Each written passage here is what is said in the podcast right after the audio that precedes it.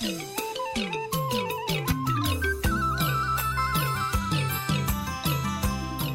េះជាកម្មវិធីផ្សាយ Vuthu Azizi Serai នេះជាកម្មវិធីផ្សាយរបស់ Vuthu Azizi Serai ជាភាសាខ្មែរ Vuthu Azizi Serai សូមស្វាគមន៍លោកអ្នកនាងទាំងអស់ពីរដ្ឋធានី Washington នៃសហរដ្ឋអាមេរិកបាទផ្សាយផ្ទាល់ពីរដ្ឋធានី Washington ខ្ញុំបាទជួនច័ន្ទបុតសូមជម្រាបសួរលោកអ្នកនាងកញ្ញានិងប្រិយមិត្តទាំងអស់ជាទីមេត្រី បាទយើងខ្ញុំសូមជូនកម្មវិធីផ្សាយសម្រាប់រាត្រីថ្ងៃអង្គារ7កើតខែមករាឆ្នាំថោះបញ្ញស័កពុទ្ធសករាជ2567ត្រូវនៅថ្ងៃទី19ធ្នូគ្រិស្តសករាជ2023បាទជាដំបូងនេះសូមអញ្ជើញលោកអ្នកនាងស្ដាប់ព័ត៌មានប្រចាំថ្ងៃដែលមានមេត្តាដូចតទៅ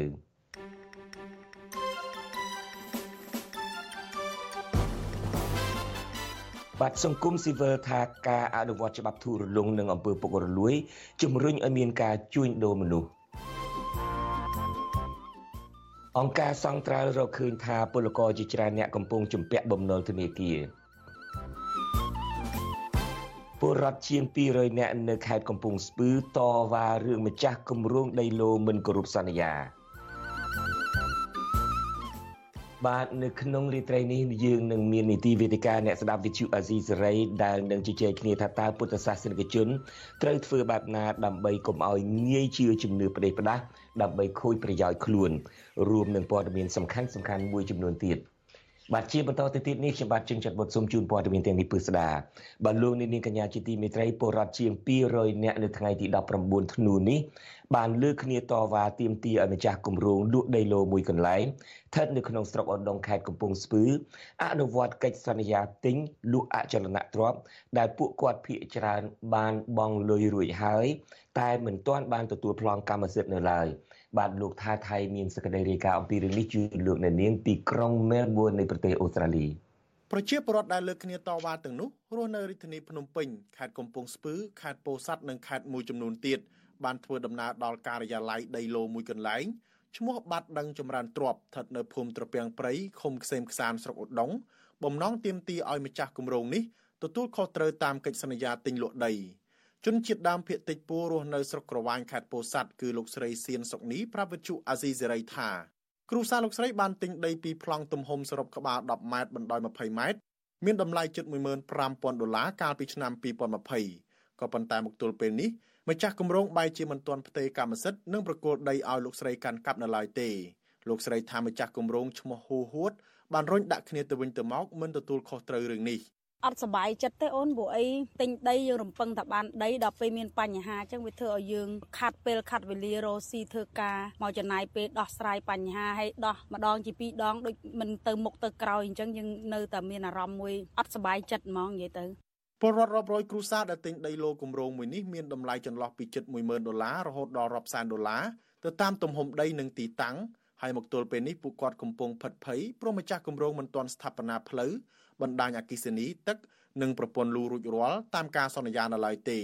លោកស្រីសៀនសុកនីបន្ថែមថាគ្រូសាលោកស្រីខំសន្សំប្រាក់ជាច្រើនឆ្នាំទម្រាំសម្រាប់ចិត្តទិញដីឡូមួយកន្លែងនេះដោយត្រូវចាយវាយត្បិតត្បៀតនិងកាត់បន្ថយចំណាយក្នុងគ្រួសារយើងប្រឹងសំមកវាលុយវាមិនងាយរយពិបាកមែនតែនតម្រាំបាន100 200 1000 2000រហូតដល់10000ហើយដល់ពេលយើងយកមកវាកប់អញ្ចឹងធ្វើឲ្យយើងនឹងវាមានអារម្មណ៍ថាយើងខ្លួនឯងខាត់បង ជុំវិញរឿងនេះវិទ្យុអាស៊ីសេរីមិនទាន់អាចតាក់ទងសុំការអធិប្បាយពីអភិបាលខេត្តកំពង់ស្ពឺលោកវីសំណាងបាននៅឡើយទេដោយទូរស័ព្ទហៅចូលគ្មានអ្នកទទួលរីឯម្ចាស់គម្រោងដីឡូគឺលោកហ៊ូហួតក៏មិនទាន់អាចសុំការបំភ្លឺបានដែរនៅថ្ងៃដដែលនេះក៏ប៉ុន្តែលោកហ៊ូហួតបានថ្លែងប្រាប់ប្រជាពលរដ្ឋក្នុងពេលតវ៉ាថាលោកកំពុងព្យាយាមដោះស្រាយរឿងនេះហើយលោកសំណុំពរឲ្យប្រជាពលរដ្ឋអត់ធ្មត់បន្តិចលោកថាដើម្បីដោះស្រាយរឿងនេះ លោកត្រូវលាស់ប្លង់ពីធនាគារជាមុនសិនរួចនឹងបំបីក្បាលដីទៅតាមក្រោយដោយត្រូវប្រើពេលយូរបន្តិចអ្នកសម្របសម្រួលគម្រោងធុរកិច្ចនិងសិទ្ធិមនុស្សនៃមជ្ឈមណ្ឌលសិទ្ធិមនុស្សកម្ពុជាលោកវ៉ាន់សុផាតយល់ថាការទៀមទារបស់ប្រជាពលរដ្ឋពាក់ព័ន្ធនឹងករណីមិនអនុវត្តកាតព្វកិច្ចតាមកិច្ចសន្យាប្រជាពលរដ្ឋអាចដាក់បណ្ដឹងទៅតុលាការបានដើម្បីឲ្យតុលាការជំរុញឲ្យម្ចាស់គម្រោងដីឡូទទួលខុសត្រូវ មើលទៅតាមធាតុផ្សំអានឹងគេមិនជាការឆោបោកឬការលោភសេចក្តីទុកចិត្តនេះអានឹងគឺថាជាការមិនអនុវត្តកាតព្វកិច្ចទៅតាមកិច្ចសន្យាប៉ុន្តែប្រជាពលរដ្ឋគាត់នៅតែអាចដាក់ពាក្យបណ្ដឹងទៅតុលាការរដ្ឋបវេនីបានដើម្បីឲ្យតុលាការពិនិត្យមើលនិងអាចនៃនីតិវិធីទៅតាមច្បាប់ទៅតាមនីតិវិធីការអនុវត្តកាតព្វកិច្ចនៃកិច្ចសន្យាណាមន្ត្រីសង្គមស៊ីវិលរូបនេះសង្កេតឃើញថាករណីម្ចាស់គម្រោងដីឡូនឹងផ្ទះល្វែងដែលអតិថិជន បានបង់ប្រាក់រួចរាល់ហើយក៏ប៉ុន្តែមិនទាន់ទទួលបានដីនឹងផ្ទះកំពុងកើតមានជាច្រើននៅរាជធានីភ្នំពេញនិងខេត្តមួយចំនួនដូចជានៅខេត្តសៀមរាបជាដើមកន្លងទៅសមត្ថកិច្ចខេត្តកំពតបានចាប់ខ្លួនអុកញ៉ាជាសរនប្រធានក្រុមហ៊ុនជាសរននិងបកពួកមួយចំនួនទៀតករណីឲ្យប្រជាពលរដ្ឋខ្ចីលុយពីធនាគារទិញដីរបស់ខ្លួនដើម្បីទទួលបានការប្រាក់ឬប្រាក់ចំណេញក៏ប៉ុន្តែក្រោយមកក្រុមហ៊ុនមិនបានប្រគល់ប្រាក់ឲ្យប្រជាពលរដ្ឋទិញទាត់នោះទេខ្ញុំ ថាថៃពីទីក្រុងមែលប៊ន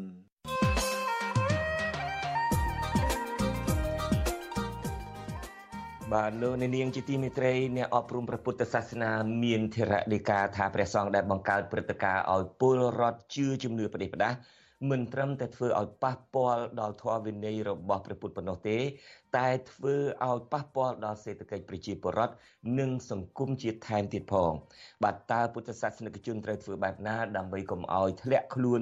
ងាយជឿលើជំនឿប្រទេសផ្ដាស់ហើយការជឿលើជំនឿប្រទេសផ្ដាស់នេះ ប្រះចាកពីធម៌វិន័យរបស់ព្រះពុទ្ធបែបណាខ្លះបាទនេះគឺជាប្រធានបទនៃនីតិវិទ្យាអ្នកស្ដាប់វិទ្យុអេស៊ីស្រីដែលនឹងចាប់ផ្ដើមនេះពេលបន្តិចទៀតនេះសូមអញ្ជើញលោកអ្នកនាងចូលរួមជាមួយយើងខ្ញុំ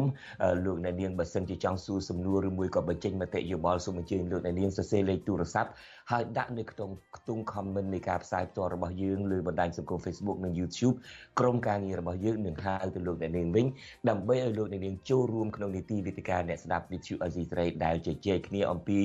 ជំនឿដែលធ្វើឲ្យខូចដល់វិស័យព្រះពុទ្ធសាសនាហើយនឹងប៉ះពាល់ដល់សេដ្ឋកិច្ចគ្រួសារនិងសង្គមជាតិផងបាទនីតិវិទ្យាអ្នកស្ដាប់វិទ្យុអេស៊ីស្រីនឹងចាប់ផ្ដើមនេះពេលបន្តិចទៀតនេះ ឥឡូវនេះខ្ញុំបាទមានសេចក្តីរាយការណ៍មួយតាក់ទងទៅនឹងមន្ត្រីអង្គការសង្គមស៊ីវិលស្នើរដ្ឋាភិបាលឲ្យពង្រឹងការអនុវត្តច្បាប់ហើយម្យ៉ាងទៀតសូមឲ្យបំបត្តិអំពើពុករលួយ និងទប់ស្កាត់អំពើល្មើសជួញដូរមនុស្សឆបោក និងបទល្មើសផ្សេងផ្សេងទៀតនៅកម្ពុជាការលើកឡើងនេះគឺបន្ទាប់ពីរដ្ឋមន្ត្រីក្រសួងមហាផ្ទៃបានប្រកាសថាបដិញ្ញាចិត្តដើម្បីបង្កើនកិច្ចសហប្រតិបត្តិការជាមួយប្រទេសជិតខាងក្នុងការទប់ស្កាត់បទល្មើសឲ្យបានខ្លាំងក្លាជាងមុន បាទយើងប្រគល់នីតិនេះជូនអ្នកស្រីខណ្ឌលក្ខណារាយការណ៍ជូនលោកអ្នកនាងមន្ត្រីអង្គការសង្គមស៊ីវិលលើកឡើងថាការជួញដូរមនុស្សនិងឆបោកកាត់ឡើងនៅកម្ពុជានិងប្រទេសមួយចំនួនទៀតបណ្ដាមកពីការអនុវត្តច្បាប់នៅមានកម្រិតនិងអំពើពុករលួយធ្ងន់ធ្ងរ ដែលធ្វើឲ្យអ ுக ្រិតជនងាយនឹងប្រើប្រាស់ទឹកដីកម្ពុជាប្រព្រឹត្តបទល្មើសការលើកឡើងនេះបន្ទាប់ពីរដ្ឋមន្ត្រីក្រសួងមហាផ្ទៃលោកសសុខាកាលពីថ្ងៃទី18ធ្នូបានប្រកាសជំហរបង្កើនកិច្ចសហប្រតិបត្តិការបន្ថែមទៀតជាមួយរដ្ឋាភិបាលថៃនិងប្រទេសដទៃទៀតដើម្បីប្រយុទ្ធប្រឆាំងអំពើជួញដូរមនុស្សនិងការរំលោភបំពានផ្សេងផ្សេងរដ្ឋបាលកម្ពុជាបដិញ្ញាចិត្ត ក្នុងការបង្ការបង្ក្រាបអំពើទាំងអស់នោះឲ្យកាន់តែខ្លាំងក្លាដោយមិនអនុញ្ញាតឲ្យជនល្មើស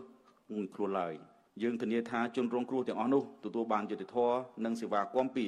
ប្រកបដោយប្រសិទ្ធភាពសិទ្ធិផលនិងបរិយាបន្នការប្រកាសនេះបន្ទាប់ពីអង្គការសហប្រជាជាតិចេញរបាយការណ៍មួយកាលពីខែសីហាឆ្នាំ2023រកឃើញថា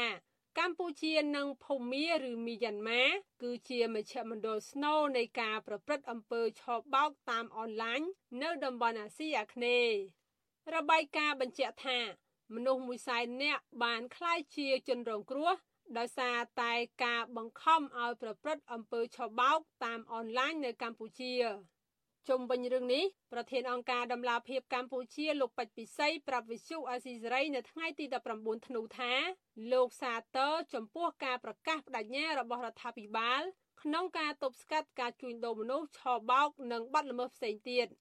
លោកថាមូលហេតុដែលជំរុញឲ្យមានការជួញដូរមនុស្សនិងឆបោករីកដុះដាលនៅតំបន់អាស៊ានដោយសារការអនុវត្តច្បាប់នៅមានកម្រិត អំពើពុករលួយធ្ងន់ធ្ងរនិងទំនាស់ផលប្រយោជន៍ពីព្រោះអ្នកពាក់ព័ន្ធនឹងបទល្មើសច្រើនតែប្រើប្រាស់ខ្សែស្រឡាយរបស់ខ្លួន ដើម្បីការពារអាជីវកម្មទាំងនោះអ្នករស៊ីផងអ្នកជាមន្ត្រីសាធារណៈធំធំហ្នឹងគាត់ជាប់ពាក់ព័ន្ធទៅនឹងបទឧក្រិដ្ឋនឹងដែរបាទតាមរយៈការធ្វើជាដៃគូជាដើមនៅបណ្ដាប្រទេសទាំងនោះហើយអំពើពុករលួយច្រើនជាទូទៅទោះបីជាមានការចាប់ឬក៏អនុវត្តច្បាប់ មួយចំនួនក៏ប៉ុន្តែ ការកាត់ទោសអីមិនសូវមានទេដោយសារជនក្រិតគាត់ប្រើប្រាស់ការស៊ីសំណូកសុកប៉ាន់ហ្នឹងហើយការការពារពីអ្នកធំហ្នឹងដើម្បីរួចផុតពីទោសទណ្ឌធ្វើឲ្យមាននីតិរដ្ឋភាពច្រើនហើយបញ្ហាសំខាន់មួយទៀតគឺការអនុវត្តច្បាប់នៅមានកម្រិតដែលធ្វើឲ្យជនក្រិតហ្នឹងអាចរួចពីសំណាញ់ច្បាប់លោកពេជ្រពិសីថាបញ្ហានេះធ្វើឲ្យប៉ះពាល់ដល់បរិយាកាសវិនិយោគលំហូរសាច់ប្រាក់អន្តរជាតិនិងសន្តិសុខជាដើម ដូច្នេះកម្ពុជាគួរសហការរួមគ្នាជាមួយបណ្ដាប្រទេសដែលជាប់ពាក់ព័ន្ធដោះស្រាយបញ្ហានេះជាប្រព័ន្ធដើម្បីកុំឲ្យអ ுக ្រិតជន បន្តប្រើប្រាស់ប្រទេសកម្ពុជា និងប្រទេសផ្សេងទៀតប្រព្រឹត្តបទល្មើសដែលប៉ះពាល់ធ្ងន់ធ្ងរដល់កេរ្តិ៍ឈ្មោះកម្ពុជាជាដើមរបាយការណ៍របស់ការិយាល័យអង្គការសហប្រជាជាតិប្រឆាំងគ្រឿងញៀននិងអ ுக ្រិតកម្ម ចេញផ្សាយកាលពីចុងខែកញ្ញាឆ្នាំ2023កន្លងទៅបង្ហាញថា នៅតំបន់អាស៊ីអាគ្នេយ៍ប្រទេសកម្ពុជា កំពុងពេញនិយមខ្លាំងនៃការជួញដូរមនុស្សដើម្បីបង្ខំឲ្យធ្វើអ ுக ្រិតកម្មបោកប្រាស់តាមអនឡាញរបាយការណ៍បញ្ជាក់ថាអ ுக ្រិតជនមានប្រតិបត្តិការយ៉ាងបើកចំហ តាមរយៈការផ្សារភ្ជាប់ទៅនឹងកន្លែងកំសាន្តនានា ដូចជាបនលបែងសន្តាគារធំធំ និងក្រុមហ៊ុនអាជីវកម្មចុះបញ្ជីជាដើមខ្ញុំខណ្ឌលក្ខណាវុទ្ធុអាស៊ីសេរី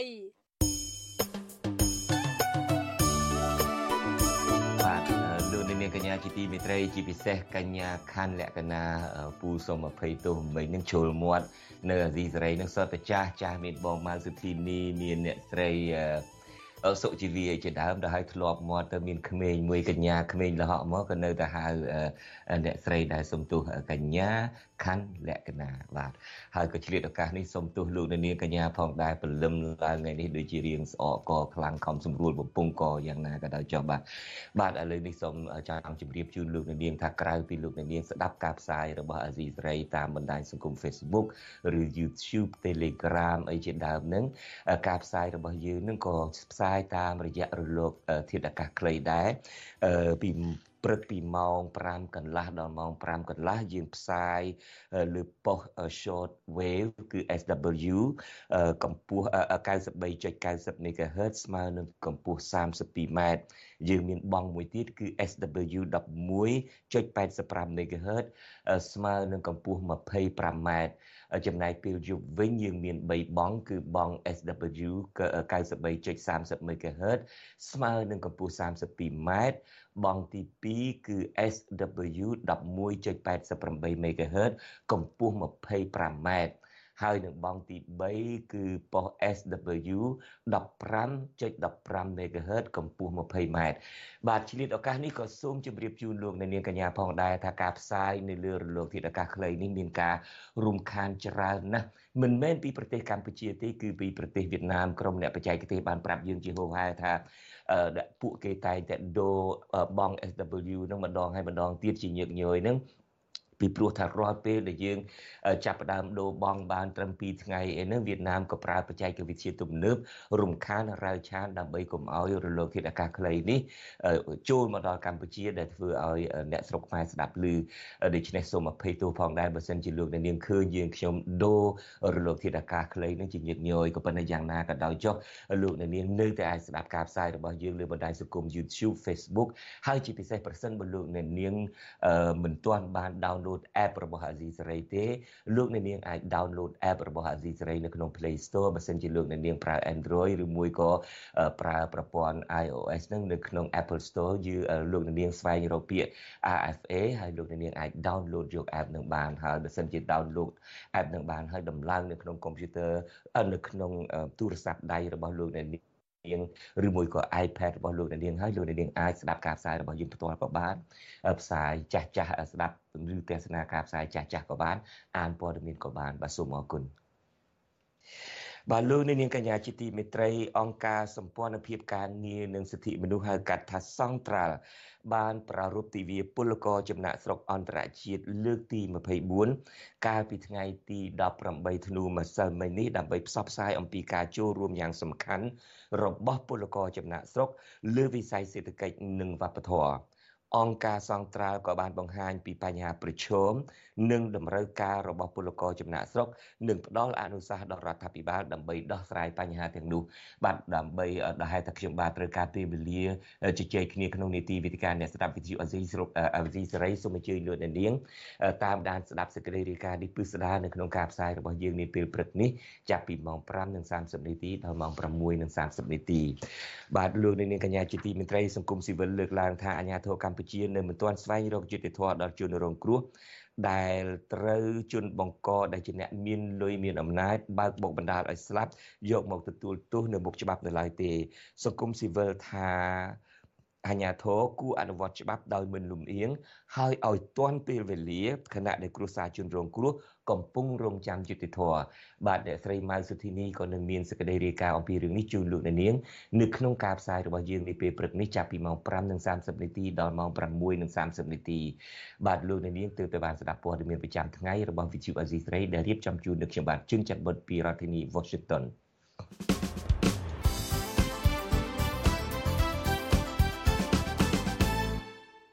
បាទជាបន្តទៅទៀតនេះគឺជានីតិវេទិកាអ្នកស្ដាប់វិទ្យុអាស៊ីសេរី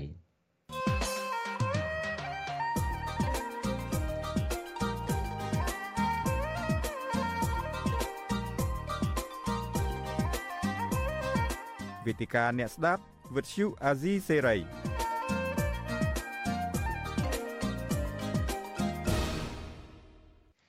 បាទលោកអ្នកនាងកញ្ញាជាទីមេត្រីខ្ញុំបាទជួនច័ន្ទបុតសូមជម្រាបសួរនិងសូមស្វាគមន៍លោកអ្នកនាងកញ្ញាជាថ្មីម្ដងទៀត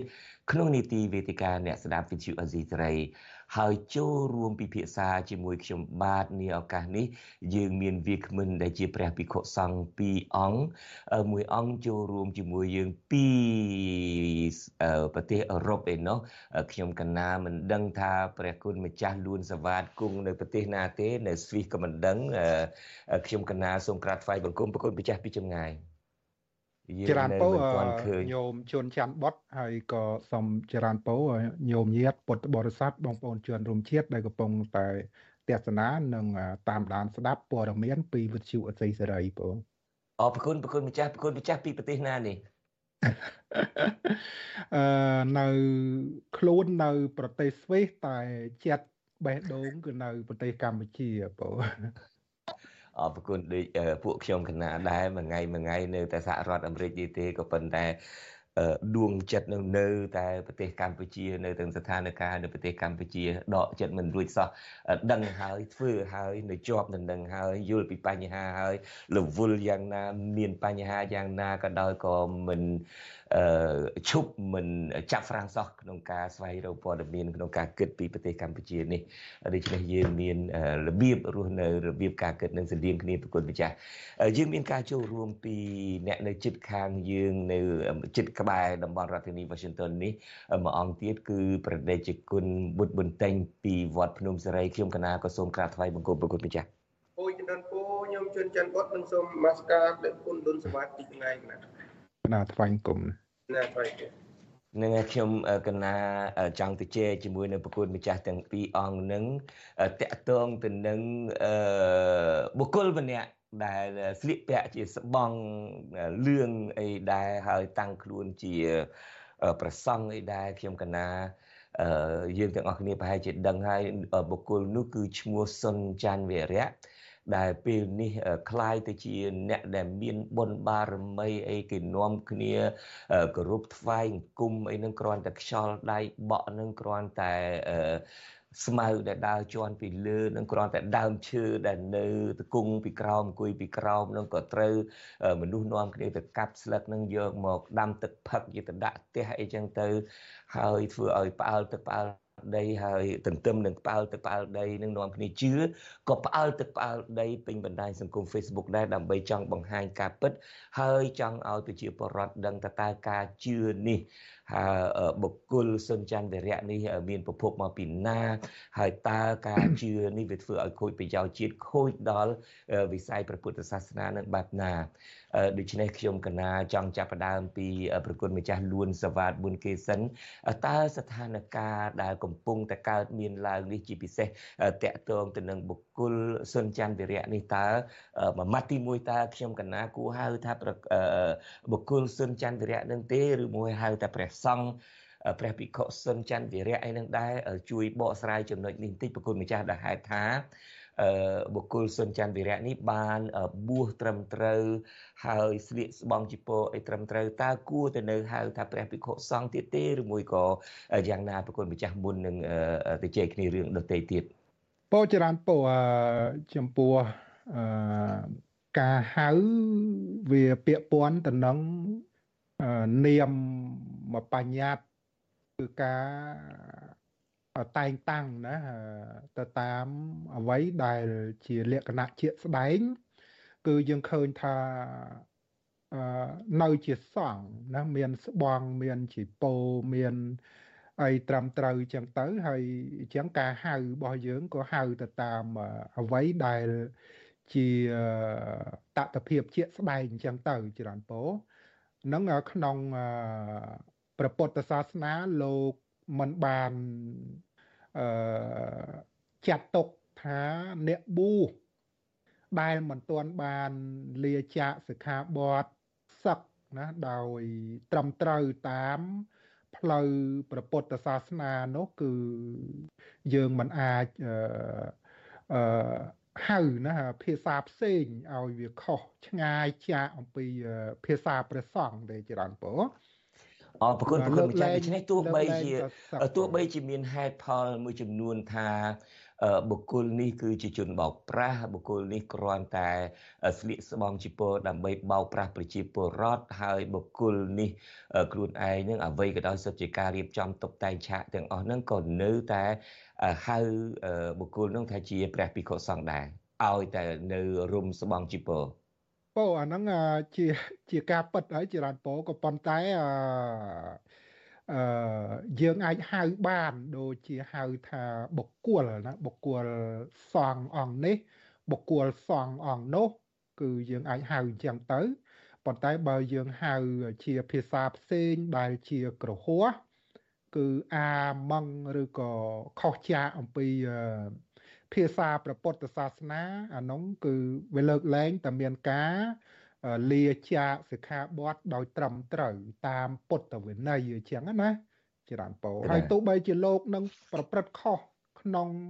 អមារខុសក្នុងអាបត្តិបរាជិកទាំង4អញ្ចឹងទៅ ប៉ុន្តែមិនទាន់បានចាប់ផ្សឹកណាមិនទាន់បានចាប់ផ្សឹកមិនទាន់បានលាចាកសិក្ខាបទជាផ្លូវការអញ្ចឹងក្នុងវិន័យពុទ្ធសាសនាក៏យើងបើខឹងប៉ុណ្ណាបើស្អប់ប៉ុណ្ណាបើយើងមិនចូលចិត្តប៉ុណ្ណាក៏យើងហៅត្រឹមតែជា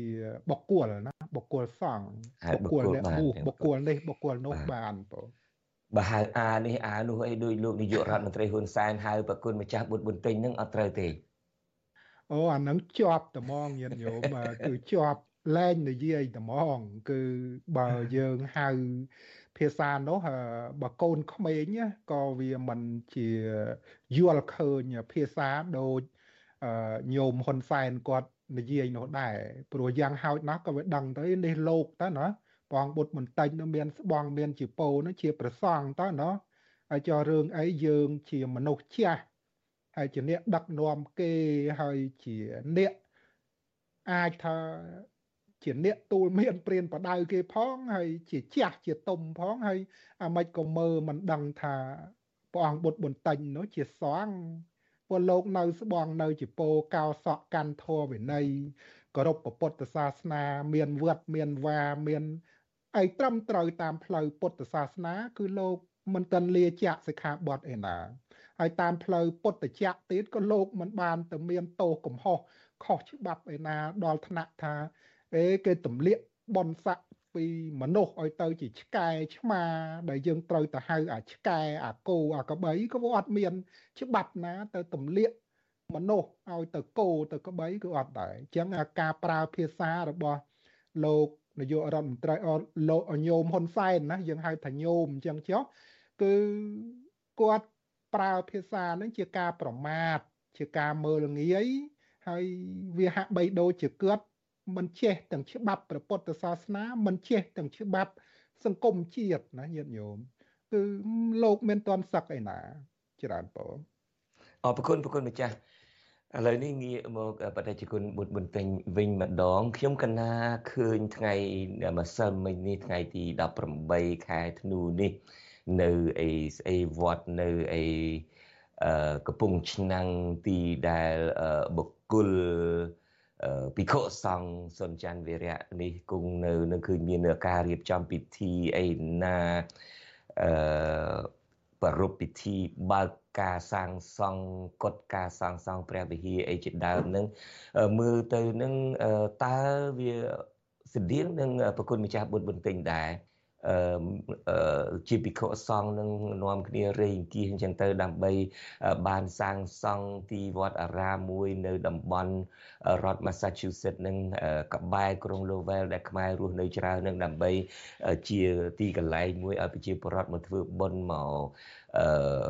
ហាត់លបាំមកជុំគ្នាលេងល្បែងប្រជាប្រិយអីនៅក្នុងពិធីបុណ្យចូលឆ្នាំអីជាដើមមើលទៅនឹងដូចជាធ្វើដំណើរនឹងស្តៀងនឹងប្រគុណម្ចាស់តែម្ដងតើអាចប្រៀបធៀបគ្នាបានទេប្រគុណម្ចាស់បុណ្យបន្ទិញហើយទៅនឹងបុគ្គលពុខសង្ឃសុនចានវិរៈនេះពូជំនាន់ពូញោមជន់ច័ន្ទបុតនិងអ្នកទេសនាស៊ីសេរីនៅពេលនេះគ្រប់រូបយើង អាចធ្វើការប្រៀបធៀបគ្នាបានដំណើរការនៃការសាងសង់ប៉ុន្តែដំណើរការនៃការគីងគោវាចាប់ដើមគោខុសក្នុងពីគ្នាពីព្រោះការសាងសង់ជាទូទៅក្នុងវត្តអារាមគឺមានប្រសង់ជាអ្នកដូចដើមអាហ្នឹងវាជារឿងដូចគ្នា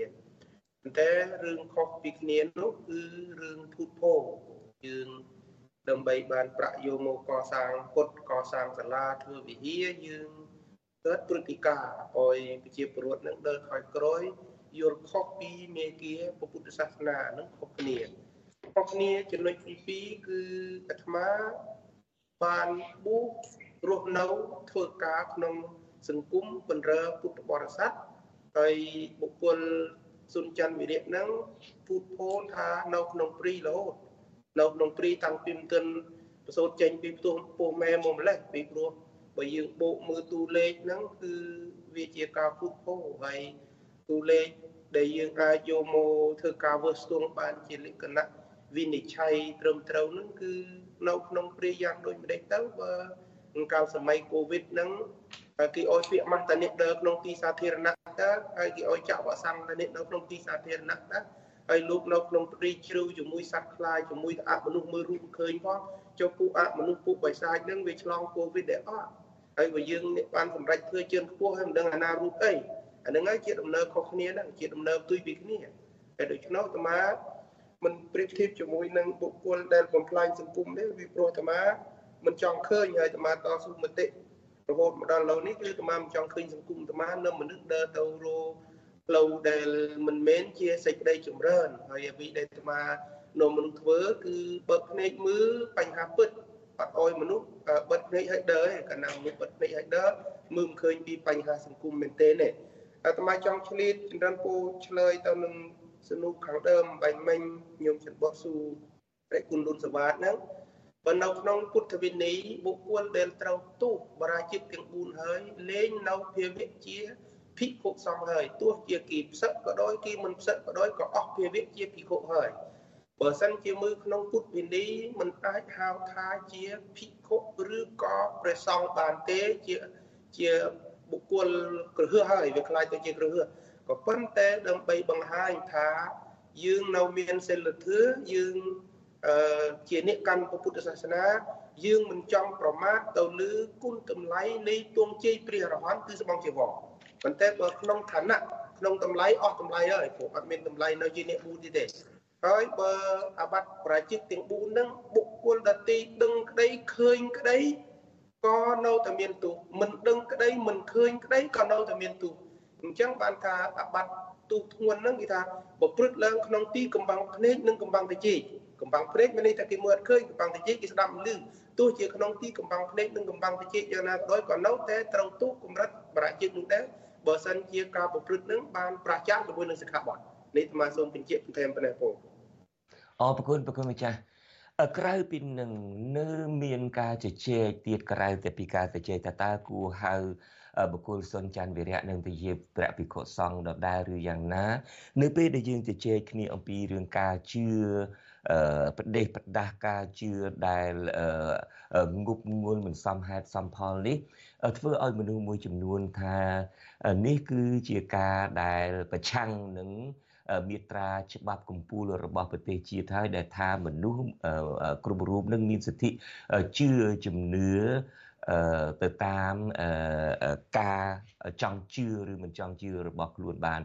ហើយដូច្នេះការដែលយើងជជែកគ្នានេះប្រកាសណាស់មានមនុស្សមួយចំនួនថាអីក៏នាំគ្នាមកជជែកគ្រឿងនេះរឿងនេះបើសិនជាច្បាប់រដ្ឋធម្មនុញ្ញប្រាប់ថាឲ្យជឿទៅតាម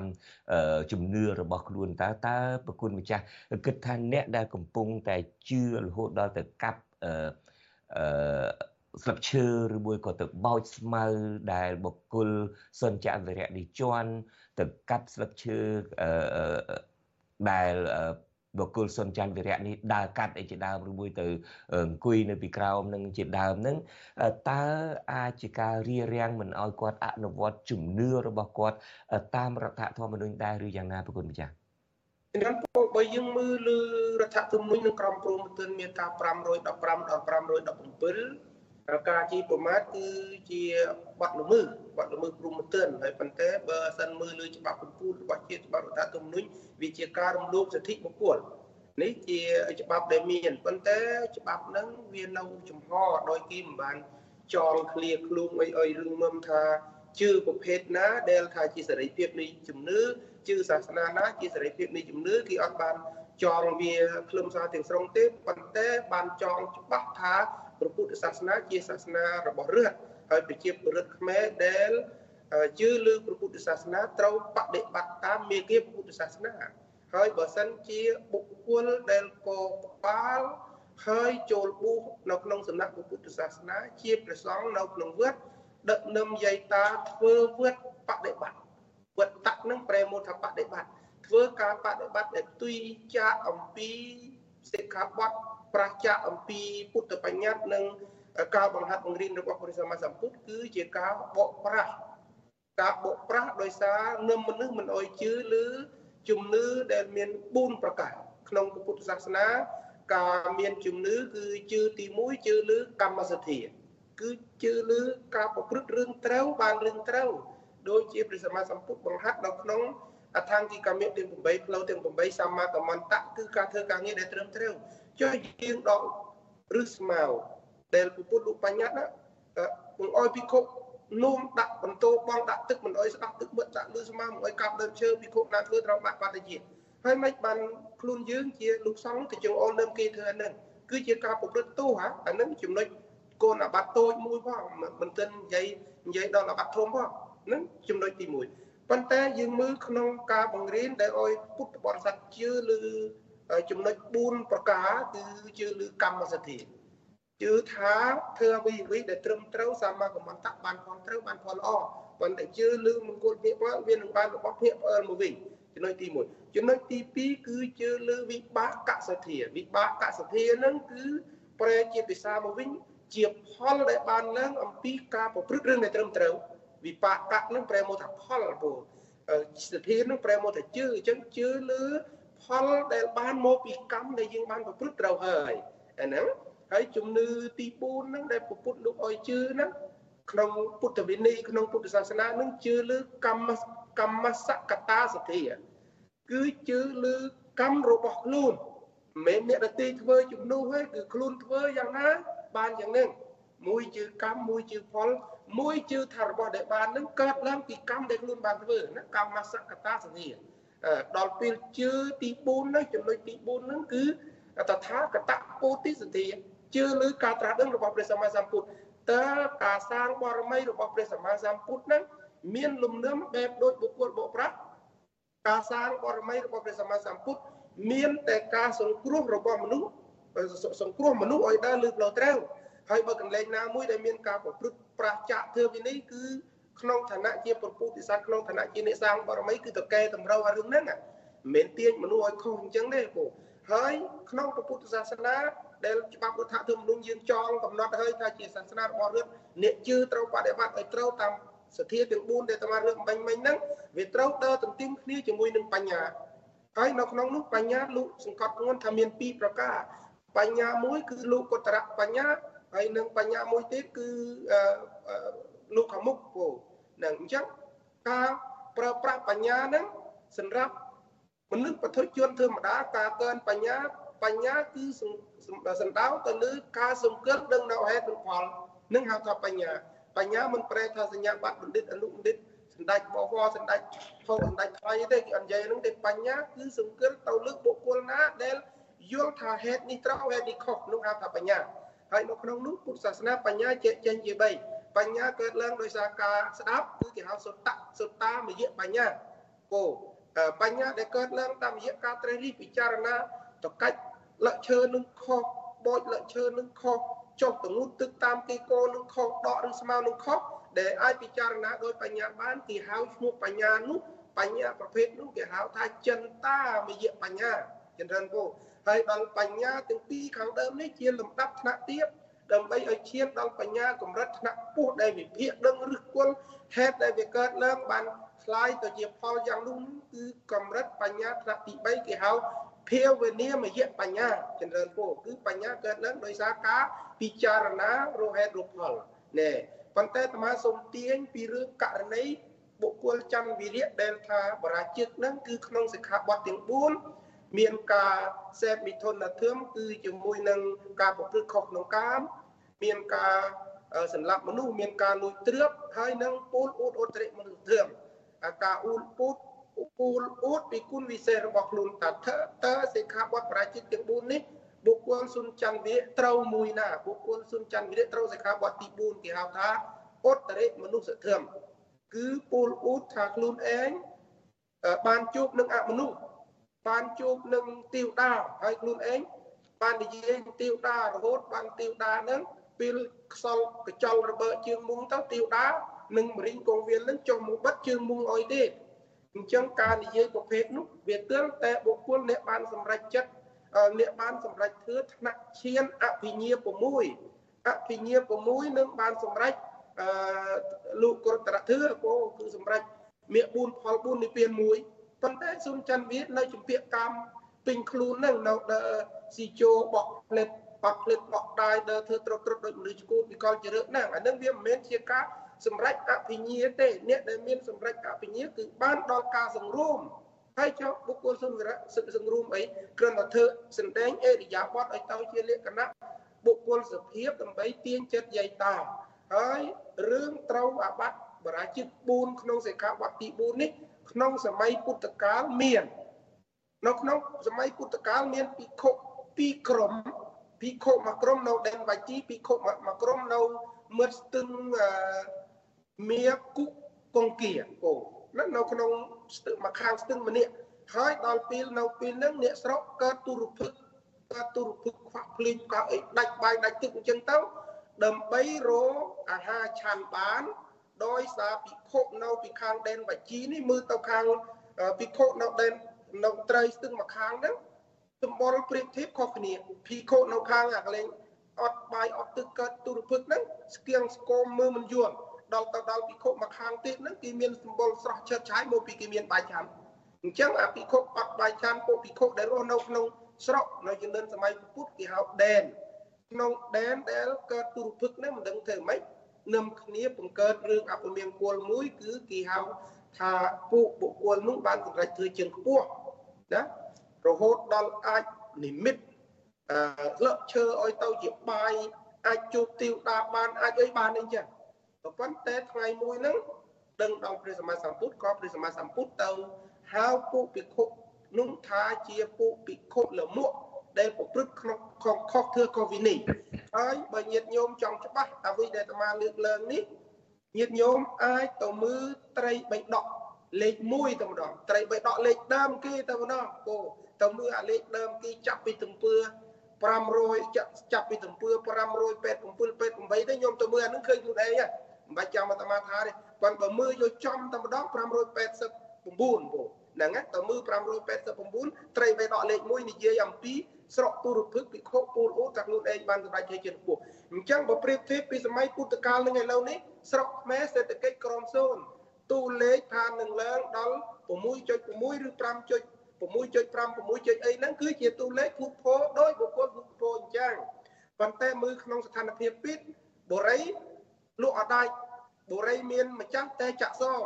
ហើយសន្តាគារ720សន្តាគារនៅសៀមរាបបើគ្នាបានតែ4សន្តាគារទេ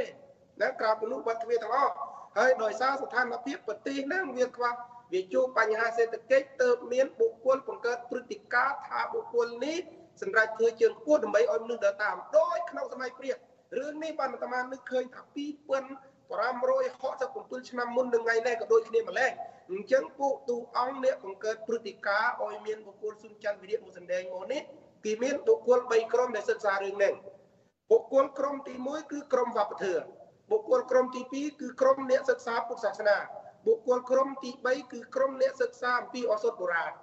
ដើម្បីយករឿងទាំង3នេះបកចូលគ្នាឲ្យคล้ายទៅជារឿងមួយបានហើយគេសួរថាម៉េចក៏មិនតកោទឹកលូថាកោទឹកលូមនុស្សអរិយធ្វើអវិជ្ជានឹងប្រើអង្កើតណាដូច្នេះហើយគេត្រូវតកោអាទឹកកន្លែងណាដែលមើលទៅបរិយាកាសល្អមនុស្សចង់ទៅឃើញចង់ងុយអញ្ចឹងបើធ្វើអានឹងមនុស្សធ្វើតាមមានន័យថាមុនគេប្រកែណា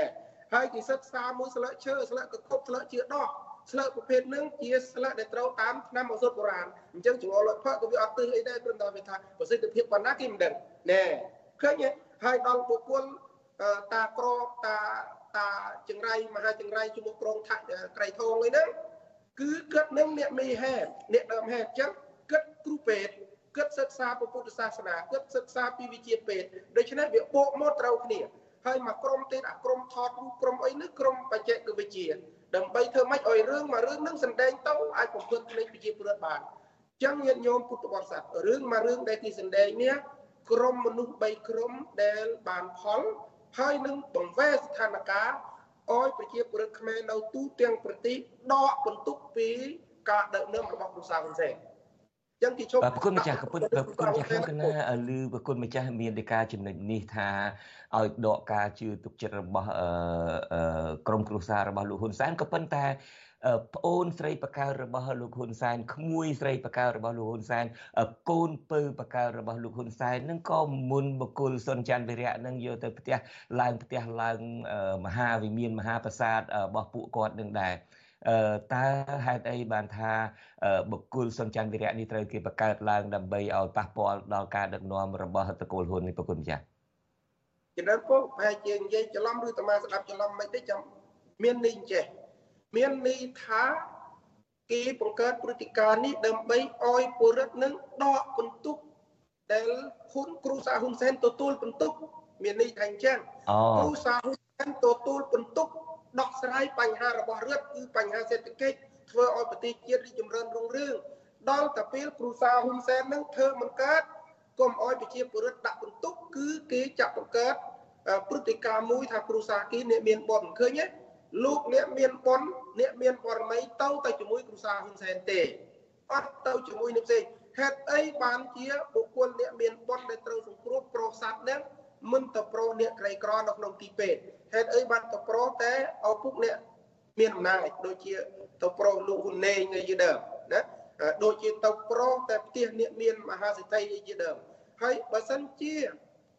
បុគ្គលនឹងមានបនពិតប្រកបមូលហេតុអ្វីបានមិនដឹងថាសុខពួងនឹងវិនិយោគអង្គវិតរយៈពេល20 30ឆ្នាំយកលុយខ្មែរទៅចិញ្ចឹមសេចក្តីត្រូវការរបស់គេហើយបុគ្គលនឹងរីលុយយកទៅឲ្យសុខពួងធ្វើពុទ្ធបដិមានៅលើ ភ្នំបូកូដែលភ្នំបូកូនឹងបានទៅគេនៅក្នុងពេលណាមួយជាទឹកដីរបស់ខ្មែរឃើញសត្វតែជារឿងផ្ទុយដើម្បីកុំឲ្យប្រជាពលរដ្ឋមើលទៅឃើញថាគ្រូសាហ៊ុនសែនអសមត្ថភាពដើម្បីដោះបន្ទុកខ្លួនឯងចោលគឺត្រូវបង្កើតព្រឹត្តិការណ៍នេះមានបុណ្យនៅពេលនេះប្រជាពលរដ្ឋខ្មែរដកការខឹងសម្បាជាមួយនឹងភាពអសមត្ថភាពរបស់ហ៊ុនម៉ាណែតដែលឪពុកលើកដាក់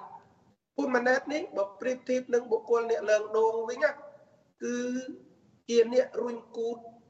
គឺឪពុករបស់ខ្លួនឪពុករុញឲ្យឡើងដើមដូងហើយដល់ពេលបានដូងមកមិនមែនដូងម៉ាណែតទេដូងរបស់អ្នករុញទេយ៉ាងណាមិញអ្វីដែលកើតឡើងក្នុងសង្គមខ្មែរសម័យម៉ាណែតគិតអស់លទ្ធភាពដោះស្រាយបញ្ហាជាតិដូច្នេះមើលឃើញថាពលរដ្ឋខ្មែរជឿលើពុទ្ធសាសនាហើយបើយកទូសម្ដែងខុសពីលោកសង្ឃក៏គេមិនជឿដែរហេតុដូច្នោះបានគាត់ថាក្រមបង្កើតព្រឹត្តិការណ៍នេះមានឬ3ក្រុមប៉ុន្តែអ្នកដែលបានផល តើក្រុមណាខ្លះដែលបានផលក្រុមបានផលមាន3ក្រុមក្រុមទី1គឺក្រុមអ្នករ៉ូស៊ីអនឡាញដូច្នេះដាក់អានឹងទៅបានលុយច្រើនទោះខុសឬត្រូវអញខ្មិចភ្នែកសិនណានេះជាសារធាតុនៃពួកអ្នកក្រចម្រើនពូកាលណាឃើញគេបោកអីអើយគឺទទួលយកនេះនឹងក្រុមបានដោយផ្ទាល់គឺក្រុមអ្នករលួយតាមបណ្ដាញសង្គមក្រុមទី2គឺតាក្រៃថងហ្នឹងរួចផុតពីបញ្ហា នៃការបងពួនដីដោយសារគិតជំពាក់ពួនដីច្រើនដូចច្រើនគិតជួយព្រឹត្តិការណ៍រឿងហ្នឹងសិក្សាបញ្ហាតានឹងបានដឹងថាតានឹងស្មោះគ្របវាវាមិនមែនជារឿងត្រឹមត្រូវគិតសារភាពខ្លួនគិតនឹងគិតអ្នកបានផលទី2ក្រុមអ្នកបានផលទី3បានធំជាងគេបានលើលោកឲ្យខ្លាយទៅជាអ្នកគ្រប់គ្រងលខនមួយរួមនេះគឺក្រុមហ៊ុនជា ដែលជាត្រកូលរបស់ហ៊ុនសែននឹងតែម្ដងហេតុដូច្នេះ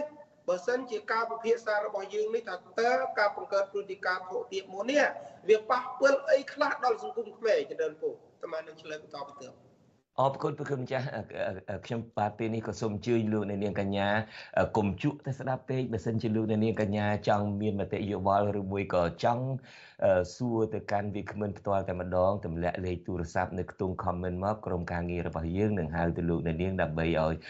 ចូលរួមជាមួយយើងខ្ញុំកណាសូម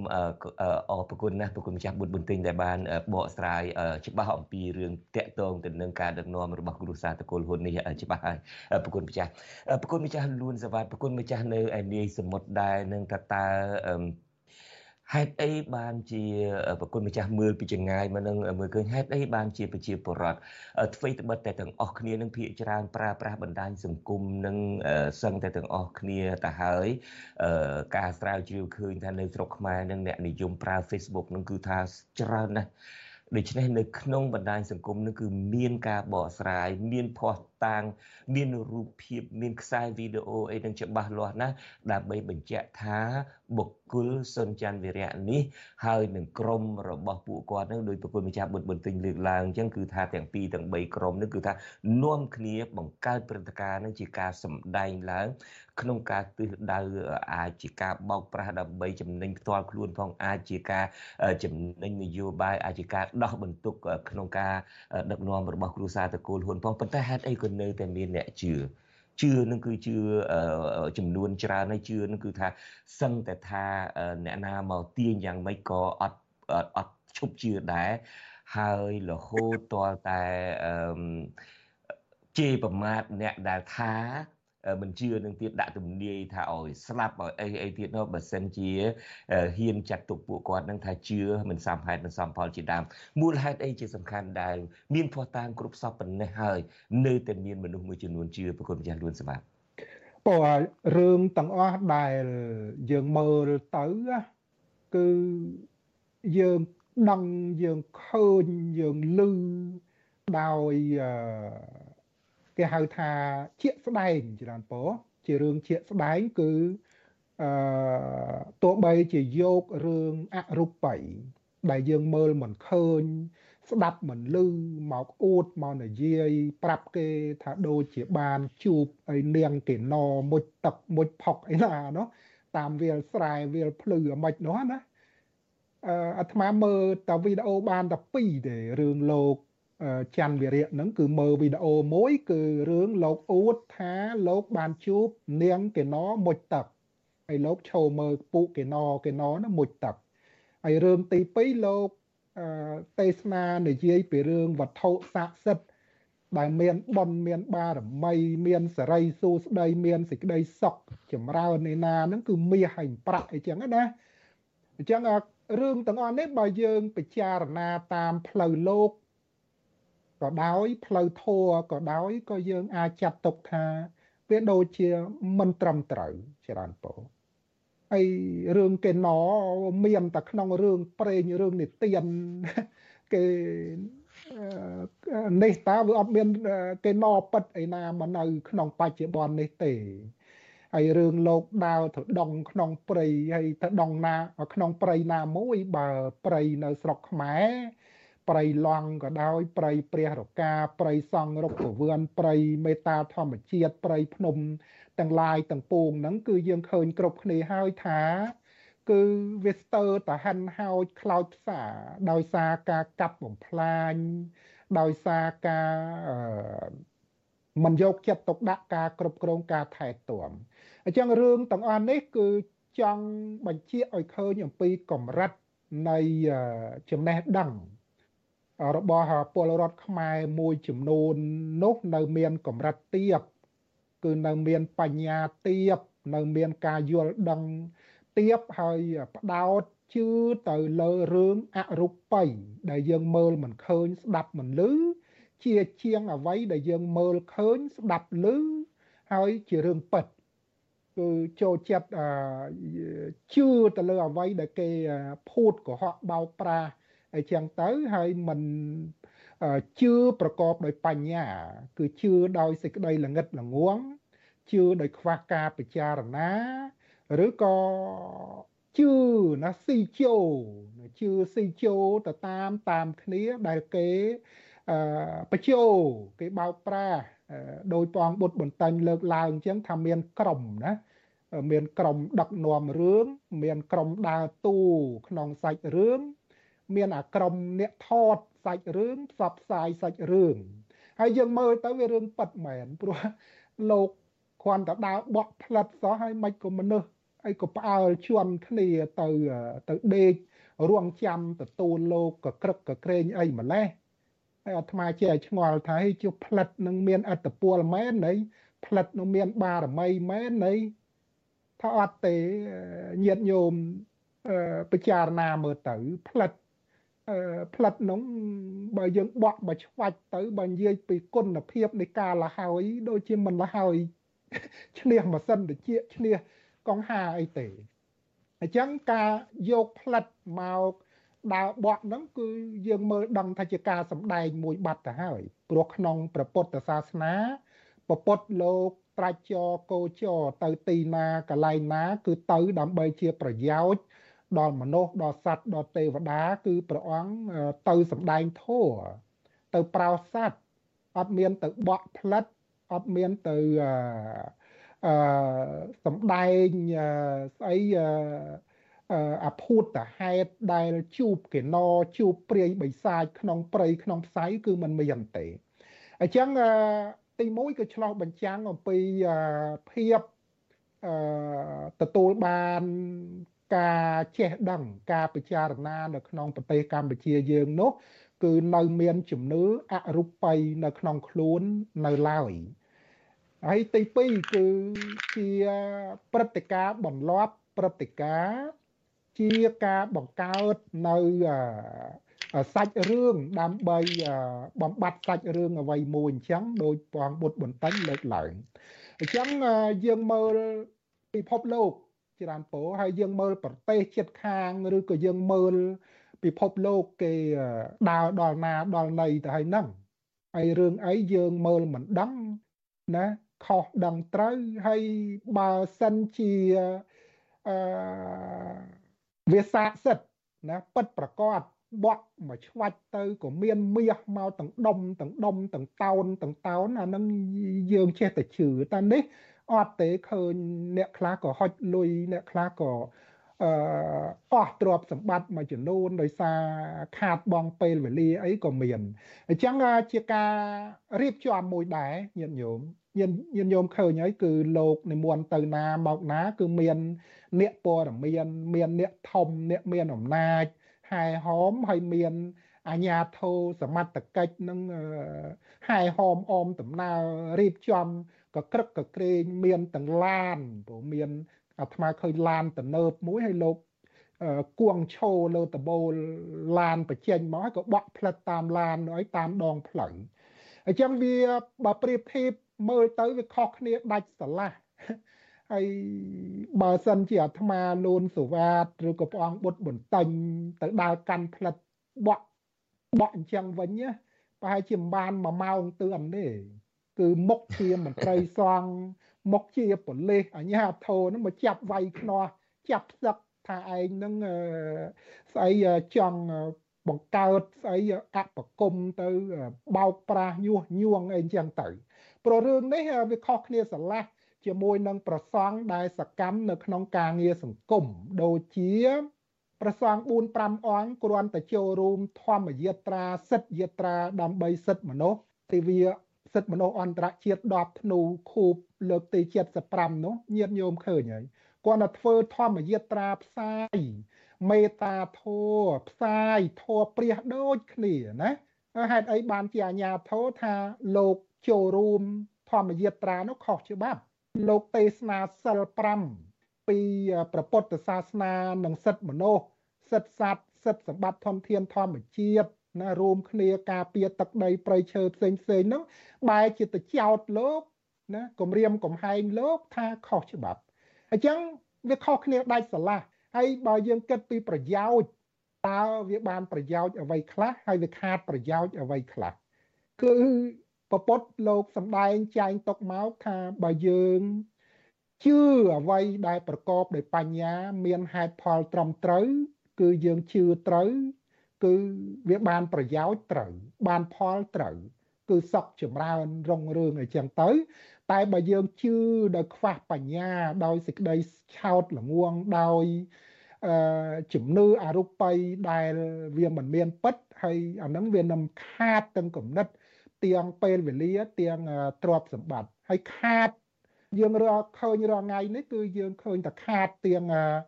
សេដ្ឋកិច្ចជាតិ ខាតទាំងបញ្ហានៅក្នុងសង្គមដែលយើងត្រូវដោះស្រាយគឺនយោបាយបញ្ហានយោបាយជាប់គៀងជាប់ផ្ទះគឺការរំលោភសិទ្ធិមនុស្សការសម្លាប់លទ្ធិប្រជាធិបតេយ្យដល់ការបោះឆ្នោតផ្សេងផ្សេងដោយមិនត្រឹមត្រូវអីសពគ្រប់នឹងអាហ្នឹងវាយើងអាចថាជាការរៀបចំច្រើនណា ច្រើនជាងអ្វីដែលជាការដែលលោកចេញមកដើរតួដើរសម្ដែងដោយខ្លួនឯងណាបើចេញមកដោយខ្លួនឯងมันមានការគ្រប់គ្រងពីអាជ្ញាធរពីអ្នកមានអំណាចនៅពីក្រោយទេអាត្មាជឿថាអត់អាចធ្វើកើតទេរឿងដើរបក់ផ្លិតនេះគឺធ្វើមិនកើតតែម្ដង អរគុណប្រគុណម្ចាស់អរគុណប្រគុណម្ចាស់ដូច្នេះទាំងបដិជគុណបុត្របន្ទិញទាំងប្រគុណម្ចាស់លួនសវ៉ាតនឹងមានទស្សនៈរួមគ្នាមួយថាអ្វីដែលកើតឡើងនេះគឺជាការរៀបចំសម្ដែងសិក្សាតែម្ដង ដោយមានការចូលរួមពីមនុស្សពីរបីក្រុមអឺខ្ញុំកណានៅតែហួសចិត្ត ហើយអស្ចារ្យនៅក្នុងចិត្តត្រង់ថាអ្វីត្បិតតែរៀបចំការសម្ដែងក៏ដោយចុះខ្ញុំកណាក៏មើលឃើញចឹងដែរដែលហេតុតែយើងមានភ័ស្តុតាងជាក់ស្ដែងថាជាការសម្ដែងមែន ហើយក៏ប៉ុន្តែសម្ដែងនឹងជួនកាលសម្ដែងមិនជាសមអីប្រមាណដែរទេបុគ្គលសុនច័ន្ទវិរៈនឹងជួនកាលទិញប៉ារូលនឹងអត់ចាំស្រួលបួលទេកន្លែងមួយនឹងទៅឆាកមួយនឹងទៅសំដែងនឹងថាអញ្ចេះទៅទៅឆាកមួយទៀតទៅថាអញ្ចោះទៅជួនកាលនឹកឃើញទៅក៏ស្រាប់តែលែងឆ្លើយអឺ តាមភាសារបស់សង្ឃហើយវាទៅជាភាសាស្ដេចឯណាទៅវិញកន្លែងខ្លះទៅទៅជាចាចាចាចាអីចឹងទៅហើយបន្ទាប់មកទៀតក៏គេមានប្រកបមនុស្សនៅក្នុងចំណោមមហាជននឹងដើម្បីឲ្យ អឺផ្សព្វផ្សាយពាក្យចចាមរានថាអាចជាគូនស្ដេចអីណានរៈទីបោតារាទីពោឯណាគូនរបស់អឺសម្ដេចព្រះនរោត្តមសីហនុអីផងដូច្នេះអាការបង្កើតនឹងគឺថាពីមួយកន្លែងទៅមួយកន្លែងនឹងដូចខ្ញុំកណាបានលើកឡើងយ៉ាងអ្វីត្បិតតែការសម្ដែងមែនប៉ុន្តែជួនកាលសម្ដែងមិនសមផងក៏ប៉ុន្តែមនុស្សនៅតែជឿហើយជឿលើខ្យល់ដែលខ្យល់នឹងអត់តិចផងដូចយ៉ាងប្រគុណម្ចាស់លួនសវ៉ាតលើកឡើងអញ្ចឹងប៉ុន្តែយ៉ាងណាក៏ដោយចុះនៅក្នុងអឺ ប្រវត្តិសាស្ត្រថ្មីថ្មីនៃប្រទេសកម្ពុជាយើងនឹងក៏មានអ្នកចេញមកសម្ដែងចេញមកបោកនឹងជាញឹកញយដែរដោយបុគ្គលធានវុធីអីនឹងជាដើមប៉ុន្តែទីបំផុតទៅក៏សាបរលាបហើយយើងក៏នឹងឃើញថាទីបំផុតទៅក៏សាបរលាបដូចតែគ្នានឹងទេយើងនឹងคล้ายទៅជាមនុស្សរស់សាកសីរស់ក្នុងការឃើញព្រឹត្តិការណ៍នេះខ្ញុំកណាអស់ម៉ោងត្រឹមប៉ុណ្្នឹងហើយសូមអរប្រគុណប្រគុណម្ចាស់ទាំងពីរអង្គហើយសូមអរប្រគុណម្ចាស់មានសេចក្តីសុខនៅក្នុងឆ្នាំថ្មីឆ្នាំ2024និងឆ្នាំខាង មុខខាងមុខទៀតនេះបាទខ្ញុំកណាសូមក្រាបថ្វាយបង្គំលាទៅត្រឹមនេះអូបាទ លោកនាងកញ្ញាជាទីមេត្រីនៅថ្ងៃស្អែកនេះខ្ញុំបាទនឹងវិលមកសម្របសម្រួលការផ្សាយរបស់យើងតទៅទៀតពីព្រោះថាខ្ញុំបាទមានព័ត៌មានមួយតាក់ទងទៅនឹងប្រជាពលរដ្ឋខ្មែរមួយក្រុមជាពិសេសនៅប្រទេសបារាំងហើយដែលមានការចូលរួមពីលោកសំរៀងស៊ីផងនាំគ្នាទៅតវ៉ាតស៊ូមតិនៅឯទីស្នាក់ការធំរបស់អង្គការសហប្រជាជាតិទទួលបន្ទុកវប្បធម៌វិទ្យាសាស្ត្រអប់រំដែលហៅកាត់ថាអង្គការ UNESCO នឹងតកតងទៅនឹងការដែលរដ្ឋាភិបាលនៅប្រទេសកម្ពុជាយកលេសថាការដែលបណ្ដេញចេញប្រជាពលរដ្ឋដោយបង្ខំចេញពីតំបន់អង្គរឲ្យទៅនៅទីដាច់ស្រយាលអីជាដើមនោះគឺខ្លាចអង្គការ UNESCO នឹងដកប្រាសាទអង្គរនឹងចេញពីបញ្ជីបេតិកភណ្ឌពិភពលោកតើពួកគាត់តស៊ូបែបណាតើអង្គការ UNESCO ឆ្លើយមកបែបណាជំវិញការបណ្ដេញដោយបង្ខំចេញពីតំបន់អង្គរនេះសូមអញ្ជើញលោកនាងរងចាំតាមដានចូលរួមជាមួយយើងនៅក្នុងកម្មវិធីផ្សាយរបស់យើងនារាត្រីថ្ងៃពុធស្អែកនេះចាប់ពីម៉ោង7:30នាទីដល់ម៉ោង8:30នាទីបាទមកដល់ត្រង់នេះខ្ញុំបាទជួនចាត់បុតព្រមទៅក្រុមការងារសូមអរគុណលោកនាងកញ្ញាជាថ្មីម្ដងទៀតដែលតែងតែមានភក្ដីភាពចំពោះការផ្សាយរបស់យើងបាទខ្ញុំបាទសូមអរគុណនិងសូមជម្រាបលាទៅត្រឹមនេះជួបគ្នាថ្ងៃស្អែករីត្រីសុស្ដី